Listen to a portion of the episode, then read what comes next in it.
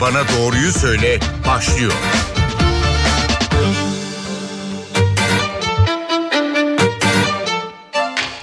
Merhaba, NTV Radyo'da Doktor Bana Doğruyu Söyle başladı. Ben Zeynep Gül Alp. Avrupa obezite alarmında biz de iki haftadır obeziteyi konuşuyoruz. Geçen hafta fiziksel etkilerini ve beslenme bozukluğu konusunu ele almıştık. Bu haftada obezite ile psikoloji ilişkisine ilişkin sorularımızı soracağız. Konuğumuz psikiyatri uzmanı Profesör Doktor İrem Yalu Ulubil. Hocam hoş geldiniz yayınımıza. Merhabalar, merhabalar, hoş bulduk. İyi bir gün ve iyi bir yayın diliyorum hepimize. Çok teşekkür ediyoruz. Şimdi Avrupa'da en çok obezite oranına sahip olan ülke Türkiye olarak açıklandı. Dünyada da dördüncü sıradayız. Türkiye'de yine her üç yetişkinden birinin obezite hastalığına sahip olduğu bilgisi var. Obezitenin oluşmasında ruhsal sorunlar ve hastalıkların yerine obezite ile ruh sağlığının nasıl bir bağlantısı var ve hastalıklara baktığımızda obezite bir sebep mi yoksa bir sonuç mu?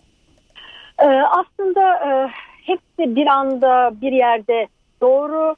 Çünkü yeme bozuklukları evet kendi içinde bir e, obeziteye sebep ancak onun dışında depresyon, anksiyete e, bu tür durumlarda gerçekten iştah artışı ya da yemekle, yiyecekle self meditasyon dediğimiz kendimizi yatıştırmak ve kendimizi tedavi etmek de yol olarak çok sık kullanılabiliyor. Çünkü özellikle karbonhidratlı yiyeceklerde e, anksiyeteyi kırıcı, kaybı kırıcı ve kişiye iyi hissettirici e, bir takım salgılar salgılattırıyor beyinde.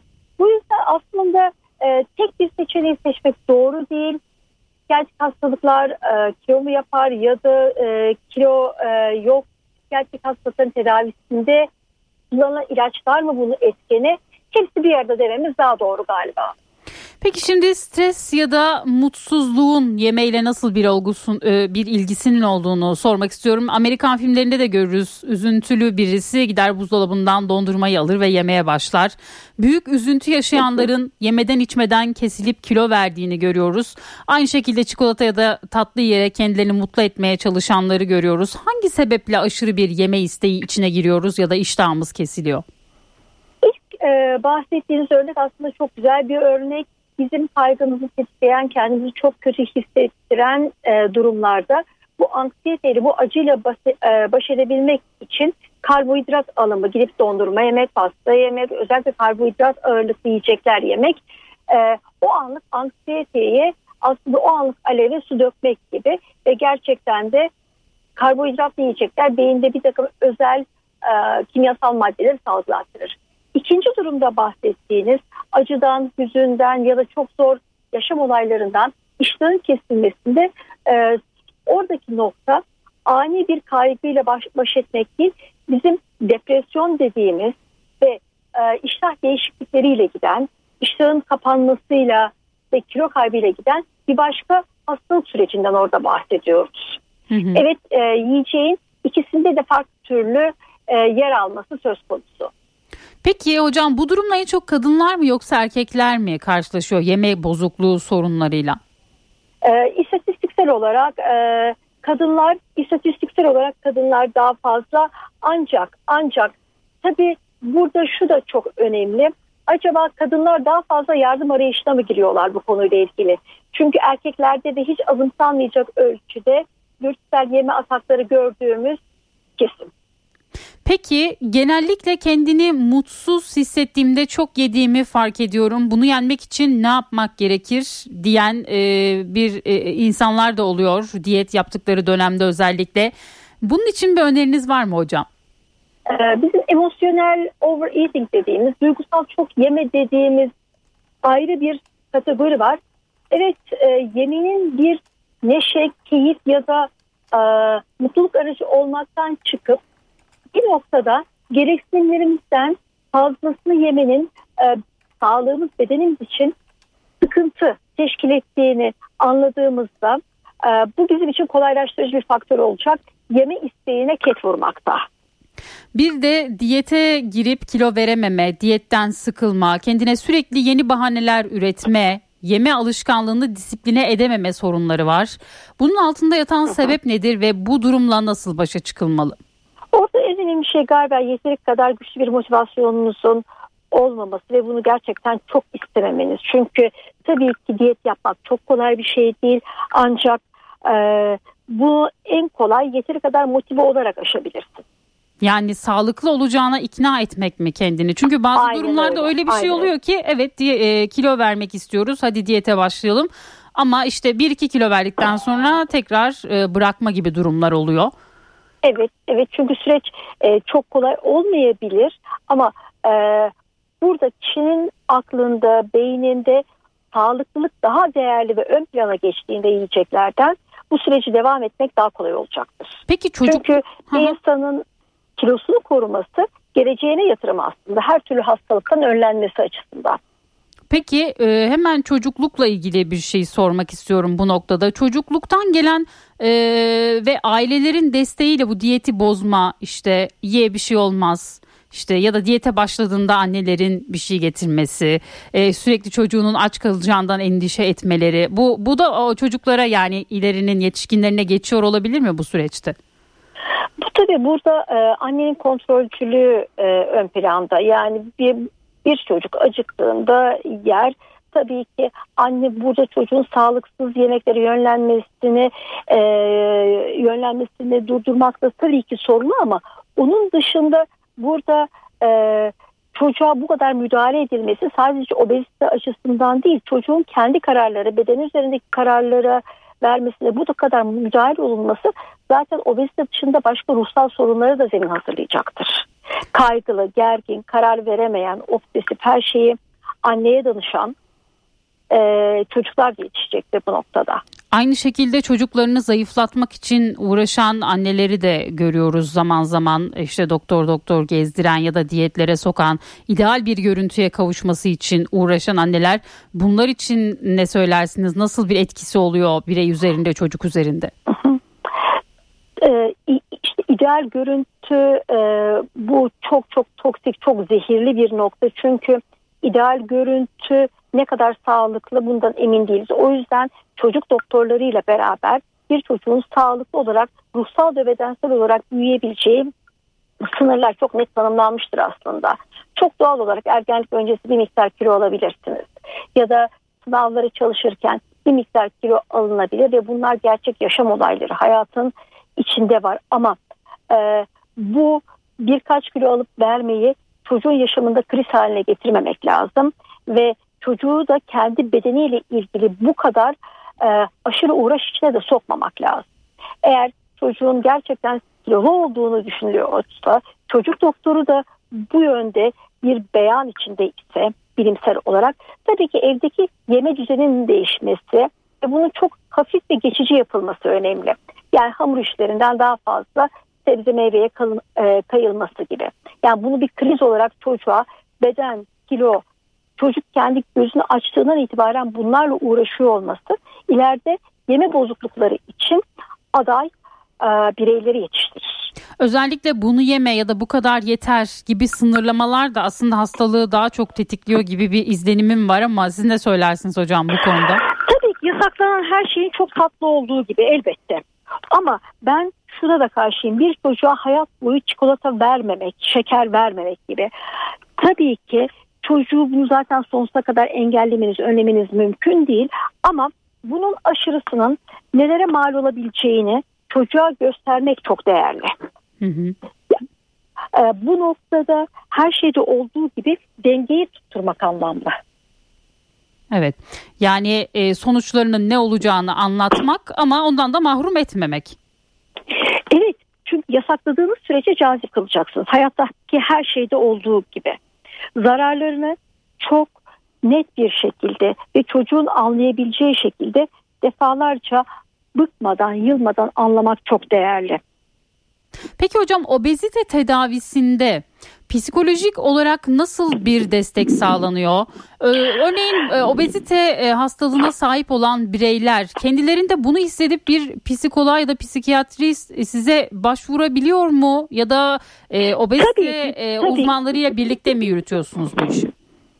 Beraber tabii ki beraber çünkü multidisipliner yaklaşım çok değerlidir. Ee, bu noktada tabii ki e, endokrinolojiden, e, beslenmeden, e, diyet pratisyenlerden ve bu bir takım çalışması. Hı hı. Ben depresyonunu, anksiyetesini tedavi edip ve kurtuluşun ya da tedavinin yiyecekte olmadığını öğretirken aynı zamanda aynı zamanda e, endokrinolojik açıdan tiroid bozuklukları var mı yok mu yemesini tetikleyen hormonal başka bir bozukluk var mı yok mu bunu öğrenmek ve bunu takip etmek gerekiyor. Öteki türlü e, multidisipliner e, yaklaşımdan kaçmak çok çok e, artık günümüz tedavilerinde e, uzak ve yetersiz bir durum. Bu bir takım çalışması. Peki hocam size diyelim ki bir hastanız geldi. İlk yaklaşımınız nasıl oluyor? Ne, ne tavsiye ediyorsunuz mesela? Zayıflamaya ikna etmek mi yoksa seçenek sunmak mı? Yani burada böyle bir hayat daha var. Daha rahat yaşayabileceğiniz bir hayat diye nasıl bir yaklaşım içinde oluyorsunuz? Aslında öncelikle bana geldiğine göre, bana geldiğine göre şu noktada e, kendi bedeninden, kendi e, fiziksel olarak rahatsız ya da duygusal olarak rahatsız. Yani o kilo ile uzlaşmamış, o kilo ile mutlu olmamış bir noktada. O yüzden bu benim için büyük bir avantaj oluyor. Ve tekrar ben onunla bir insanın e, çok değerli enstrümanının beden olduğunu tartışıp ve bedenine ne kadar iyi bakarsa o kadar mutlu ve keyifli bir hayat yaşayabileceğini Hı. anlatıyorum. Ve en büyük sıkıntı şu olur çok sert sürdürülebilir hiçbir şeyin gerçekliği yoktur. O yüzden e, bir haftada 2 kilo vereceğim, bir ayda 6 kilo vereceğim. Sadece bireyi daha fazla kaygıya sokup, daha fazla gerginliğe sokup ve asla başaramayacağı, bitiremeyeceği insani olmayan bir sürece iteklemektir. Ben bu noktada şunu söylüyorum. Yavaş yavaş acele etmeden ama istikrarlı bir şekilde mutlu size ulaşmak amaç. Bir de diyet yaparken diyetisyenlerin söylediği şey kendinizi sıktığınız zaman vücut e, su tutuyor, yağ yapıyor ve işte kilo veremiyorsunuz aslında. Kilo verememenin sebeplerinden biri bu diyorlar. E, bu stresin de bir etkisi var herhalde değil mi hocam? E, stresle beraber tabii kort, e, böbrek üstü bezlerinden bir takım hormonlar salgılanır ama genellikle buradaki sebep e, bu strese dayanamayıp gidip yemek yedikleri için. Hı hı bu, bu noktada. Hı hı. Özellikle stresin ödem yapıcı bir etkisi e, yok. Çünkü bir sürü strese giren insanın da e, inekliğe döndüğünü de biliyoruz. Hı hı. Peki size evet hocam buyurun lütfen devam edin. Ama farkındalık çok önemli. Yaşlılığınızı düşünmek. Hiç kimse 20-30 yaşında sonsuza kadar kalmıyor ve diziniz, e, yaşam kaliteniz, dans edebilme yeteneğiniz bir sürü şey bir sürü şey tabii ki değişiyor. Eğer siz rahat bir beden içindeyseniz, keyifliyseniz, yok değil iseniz e, yaşamınıza hakkını da vermiyorsunuz. Bu da çok önemli. Evet. Peki obezite kaynaklı psikolojik sorunlara bakalım. Bunları hangi başlık altında bize sıralayabilirsiniz? Obezitenin sebep olduğu sorunlar neler? Benlik saygısı, hı hı. özgüven kaybı, bir şekilde ilişki problemleri, rahat edememe, ilişkilerde kendilerini güvende hissedememe, yetersizlik duyguları, ayrımcı davranışa maruz kalma. E, bunu şunları da çok iyi biliyoruz biz e, eşler arasında eğer 140 e, kiloluk biri var ise ya da 60 kiloluk biri var ise seçimler arasında eşler arasında eşitler arasındaki seçimde vücut kitle indeksi daha normal sınırlar olan içinde olan tercih ediliyor. Bunu da inkartı bunların her biri biriktikçe e, ister istemez bir sürü psikolojik ve e, ruhsal mini travma şeklinde bunların hepsi birikiyor. Hı hı. Peki e, şimdi son dönemlerde biz hipnozla ya da terapiyle zayıflama gibi şeyler duyuyoruz. Bunlar mümkün şeyler mi? Hayır sadece destekleyici şeyler. Yani destek olunuyor ama bir diyetle evet, e, evet. beraber Çünkü, giden şeyler. Evet aynı e, o noktada söyleyeceğimiz şey şu e, farkındalık yaratıyor. Eğer bunu hipnoza yaratıyorsa, dua ederek yaratıyorsa, kitap okutarak yaratıyorsa yeter ki bu kadar çok ve e, bedensel olarak zararlı yemeni ve bu kilonun bedensel olarak ona kötü geldiğini bir birey anlasın ve çözüm yoluna gitsin. Bunu hipnozla yapabiliyorsa tabii ki. Ben bugüne kadar hiç yapmadım ama hı hı. benim için önemli olan benim için önemli olan bir hekim olarak önemli olan bireye bu kilonun kurtulması gereken ve sağlığını tehdit eden bir düşman olduğunu anlatabilmek.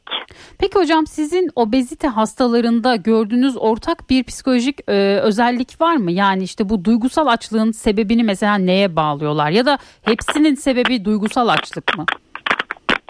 Hayır, çok değişik e, sebepler. Bazen ilaçların etkileri de kilo alımına sebep oluyor ama e, dediğim gibi bunu sınıflamak çok zor. Çok çeşitliliği var. Tiroid hormonlarındaki oynamada e, bunlardan bir tanesi.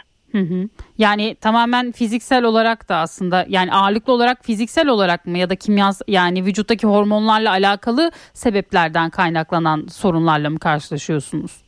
Yarı yarıya diyebiliriz. Yarı yarıya. Peki bu duygusal açlık konusunu biraz açarsak hangi duygunun yerine acaba biz yemeyle doldurmaya çalışıyoruz? Anlaşılamazlık, anlaşılamamazlık. Yani birisi Duygusal- bizi anlamadığında hemen koşarak Evet, du- evet duygularımızı ifade ettiğimizde e, anlaşılmamış hissediyorsak ve duygusal ihtiyaçlarımız karşılanmamış hissediyorsak o duygusal açlığın yerine fiziksel bir şeyle doldurmaya çalışıyoruz. Peki bu anne baba ilişkisinin etkisiyle oluşmuş bir duygusal açlık mı yani çocukluktan gelen bir sorun mu yoksa hayatta karşımıza çıkanlardan e, ka- yaşadığımız bir sorun mu? Hepsi bir arada olabilir. Çok ayırmak mümkün değil. Hepsi bir arada olabilir. Peki bununla mücadele etmek için ne tavsiye edersiniz? Yani illa bir e, doktora gelip bir e, yani sürekli terapiyle çözülebilecek bir şey mi yoksa insanların kendi kendilerine yapabileceği şeyler de var mı? Sizin verebileceğiniz püf noktaları, tüyolar var mı? Kendi kendilerini tabii ki denemeleri önemli. Bu en azından farkındalık açısından çok değerli. Ama tabii ki bu e, kendi dişinizi kendiniz çekin gibi e, söylemek çok zor. Başarabiliyorlarsa tabii ama başaramadıkları noktada mutlaka yardım atmaları değerli diye düşünüyorum. Yani kendimizi motive edeceğimiz bir cümle desek bize ne söylersiniz? Hayat kıymetli ve bir tanedir. Başka bir hayatımız yok. Hocam çok Yok. teşekkür ediyoruz programımıza Ben çok katıldığınız, çok teşekkür sorularımızı ediyorum. yanıtladığınız Çok için. çok sevgilerimi, selamlarımı iletiyorum. Görüşmek üzere. Çok teşekkür ediyoruz. Çok sağ olun. Doktor bana doğruyu söyledi. Bu hafta obezite ile psikoloji ilişkisini konuştuk. Konuğumuz psikiyatri uzmanı Profesör Doktor İrem Yalu Ulubildi. Haftaya tekrar aynı saatte görüşmek dileğiyle. Hoşçakalın.